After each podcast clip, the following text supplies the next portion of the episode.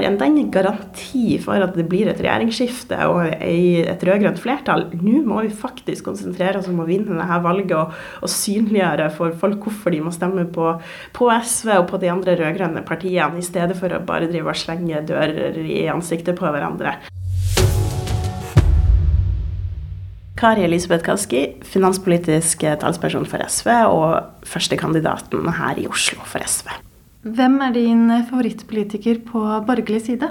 Altså, det er jo mange vi har jobba tett med nå det siste året, og som jeg kan være rykende uenig med uh, i mange mange saker, men likevel samarbeide godt med. Um, jeg vil kanskje trekke fram Tina Bru, som er olje- og energiminister fra, fra Høyre, uh, fordi at Eh, hun er en politiker som kanskje, i likhet med meg sjøl, ikke er politikken for å drive på med liksom polemikk og sånn retorikk, men faktisk har lyst til å gå inn og debattere de reelle sakene og sakenes kjerne, og, og, klare å jobbe seg liksom, ja, eh, fram til, til, saker grundig og, og, godt. Det er jo det som gjør at jeg trives. Altså. Det er da jeg trives i politikken, når vi faktisk kan diskutere sakene og jobbe med de, og ikke bare holde på med retorikk. da. Likevel så vil du avskaffe Olje- og energidepartementet?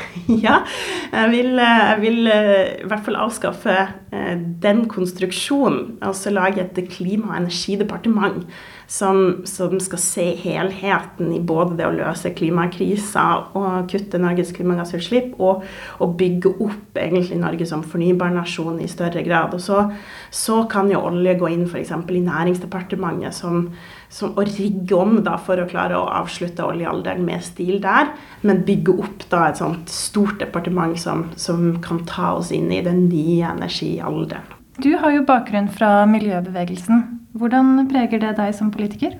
Jeg tenkte jo da jeg gikk eh, fra miljøbevegelsen og inn i partipolitikken og inn eh, i, i SV, at det var viktig å ikke bare ha miljøvernere eh, på utsida av Stortinget, som demonstrerte, som jeg har gjort veldig mange ganger, men også på innsida av Stortinget. Og det er det jeg forsøker å være. Jeg forsøker å være en, en representant for miljøbevegelsen og en miljøaktivist inne på Stortinget som som passer på å tenke på klima og natur eh, ved hver korsvei, og som tar tar de kampene. I SV så er det enkelt å, å kunne gjøre. og eh, Sørge for at eh, vi har en klar plan for hvordan vi skal kutte klimagassutslippene i Norge med 70% inn mot 2030, og hvordan vi skal lykkes med det rettferdige grønne skiftet. Så, så, jeg, så jeg, prøver å, å, være den miljøverneren som jeg, som jeg var, og som jeg er også i politikken. Da. Er det noe du er uenig med SV i? Ja, altså absolutt. Og det, det, sier jeg jo til alle folk jeg møter som liksom vurderer om de skal melde seg inn i et politisk parti eller bli med i SV, at vi er jo ikke eh, enig med alt det som partiet står, i, eller, står for, eller, eller, kan mene at man skulle ha liksom vinkla ting litt annerledes. Eh, det har jo vært ganske åpent at jeg skulle ønske at vi eh, hadde et litt annet standpunkt på vindkraft f.eks., vært mer positiv til det. Eh, men syns at vi landa et greit kompromiss på landsmøtet vårt. Og det, sånn er politikken. Vi, vi liksom kan være rykende uenige inn mot et landsmøte. Og så eh, lander vi et kompromiss som, som, vi kan gå videre med. Og, og, sånn er det. Det er på en måte både prisen og gevinsten av å være mange mange tusen mennesker som skal jobbe sammen for, for de store overordna målene som, som, vi er enige om. Da. Og så ville du jo bli nestleder i SV.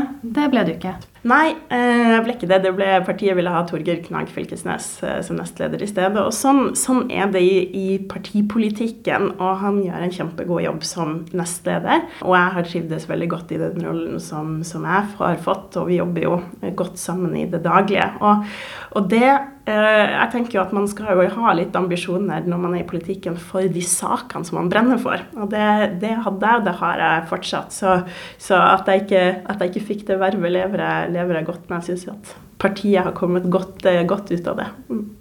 Vil du prøve å bli nestleder neste gang?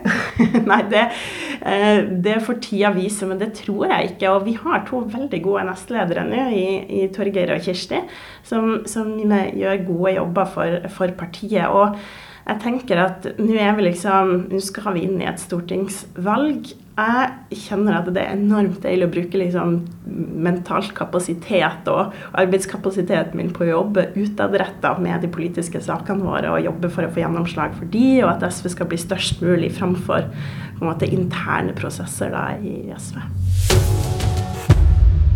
Hvem vil du helst sitte i regjering med? Jeg har jo lyst til at vi skal få på plass ei rød-grønn regjering etter valget med tydelig fotfeste på, på venstresida av norsk politikk. Og, og, vi holder jo døra åpen egentlig for, for alle sammen. Både Arbeiderpartiet og Senterpartiet og Miljøpartiet og Rødt.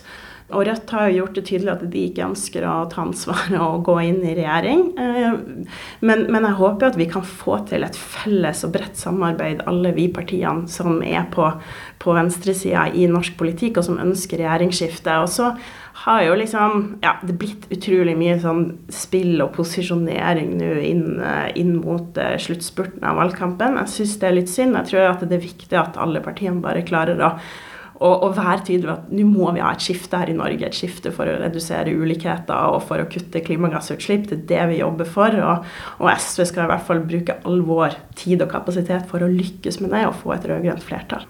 Men vil du egentlig sitte i regjering med Senterpartiet? Dere er jo veldig uenige i mange viktige saker for SV. Ja, det er vi. Og det var vi forrige gang òg. Likevel så satt vi jo regjering i åtte år sammen og fikk til utrolig mye god politikk for Norge, eh, som jeg er kjempestolt av. Og, og sånn er det. Grunnen til at vi har så mange ulike partier i Norge, er jo fordi vi er uenige om saker. Eh, og likevel så er vi enige om noen viktige ting. Vi er enige om at forskjellene i Norge må ned. Vi er enige om at eh, det er viktig å ta vare på miljøet. Og så har vi ulik inngang til det og ulike prioriteringer, men jeg er helt trygg på at vi klarer å finne sammen der og, og, og bli enige om det. Men, men, det er klart, jo større SV blir, jo mer makt vi vil ha inn i de forhandlingene, eh, og jo større sjanse er det for at vi får gjennomslag for våre viktigste saker. Du sier at eh, SV vil samarbeide med Senterpartiet, men du har jo gått ganske hardt ut mot eh, Vedum. Er det greit? Ja, det er det. Vi er to forskjellige partier som har ulike, ulike standpunkter, selvsagt. Og så vet jo jeg også at én ting er det som skjer i den politiske debatten og i media. og der, der, Særlig kanskje fra Senterpartiet sin side er det veldig mye sånn spill og, og nå skal vi være tøff. Eh, mens man i praksis her på Stortinget samarbeider vi om så mye. Hver eneste dag så, så har Senterpartiet og SV tett samarbeid på alle ulike områder, sjøl på klima. Så jeg er ikke noe bekymra for at vi skal klare å samarbeide også i regjering. Men det er klart det kommer å være noen sånne tøffe, tøffe saker der vi er uenige. Eh, det har vi håndtert før da vi satt i regjering. De sakene er egentlig de samme sakene som var vanskelig under den forrige rød-grønne regjeringa. Det klarer vi å finne ut av. Eh, men da trenger jo selvfølgelig også SV mye forhandlingsstyrke inn der og gjøre et så godt valg som overhodet mulig. Ola Borten Moe sa i et eh, tidligere sommerkvarter at det var uaktuelt for Senterpartiet å samarbeide med SV. Hva tenker du om det? Jeg tenker at uh, han får si det, og det viser jo liksom bare hvor mye spill som, som Senterpartiet driver på med akkurat nå. Ja, vi, ha, vi, har enda ingen garanti for at det blir et regjeringsskifte og et rød-grønt flertall. Nå må vi faktisk konsentrere oss om å vinne dette valget og, og synliggjøre for folk hvorfor de må stemme på, på SV og på de andre rød-grønne partiene, i stedet for å bare drive og slenge dører i ansiktet på hverandre. Eh, og hvis Senterpartiet har lyst til å få gjennomslag for å stanse sentraliseringa, for å bygge et sterkere nasjonalt forsvar, og for å å, å ikke minst få bedre kommuneøkonomi og, og, gjøre noe med helseforetakmodellen i, i norske sykehus, så må de jo samarbeide med SV, og ikke med høyresida. Og det, det, skal vi bare være veldig tydelige på fra SV sin side, at det er det vi står på. Så Senterpartiet får prioritere det i hva som er de viktigste sakene for, for de. Ja, for Vedum har jo sagt at han er villig til å samarbeide med høyresiden for å få flertall i enkelte saker. Kunne du tenke deg å gjøre det samme? Altså, nei, um, ikke, ikke, i en sånn type regjerings- eller statsbudsjettsituasjon på noen som helst måte. Det er jo klart at vi, vi, finner jo sammen i noen sånne brede forlik på Stortinget av og til. Vi har gjort det i krisepolitikken nå det siste halvannet året. Det har vært bra. Men, men ikke som sånne faste samarbeidspartnere. Og, og jeg tror jo vi skal bare være helt tydelige på at Senterpartiet får ikke gjøre opp klima- og oljepolitikken med Høyre for å så gå til SV etterpå og styre eh, og få danne flertall på andre saker. SV vil ha en hånd på rattet her, og vi trengs for å få et rød-grønt flertall. Så, så, vi skal ikke være noe sånn dørmatte for Senterpartiet der de kan drive og, og velge flertall sånn som de ønsker det sjøl. Hva med rusreformen? Ville dere vært villige til å gå til høyresiden for å få flertall der? Så vi var jo villige til å stemme for rusreformen eh, da vi hadde muligheten i, eh, i vår.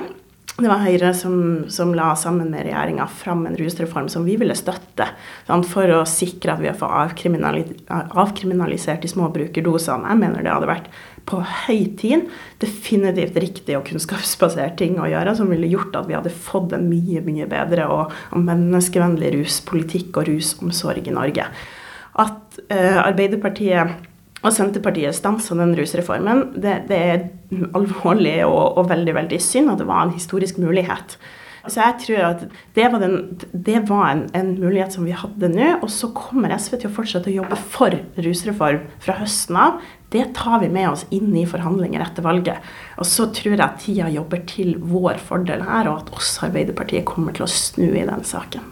Arbeiderpartiet har jo utformet en 100-dagersplan uten, eh, så vidt jeg vet, å spørre SV eller Senterpartiet om de er enige. Hva tenker du om den? Stiller du deg bak planen?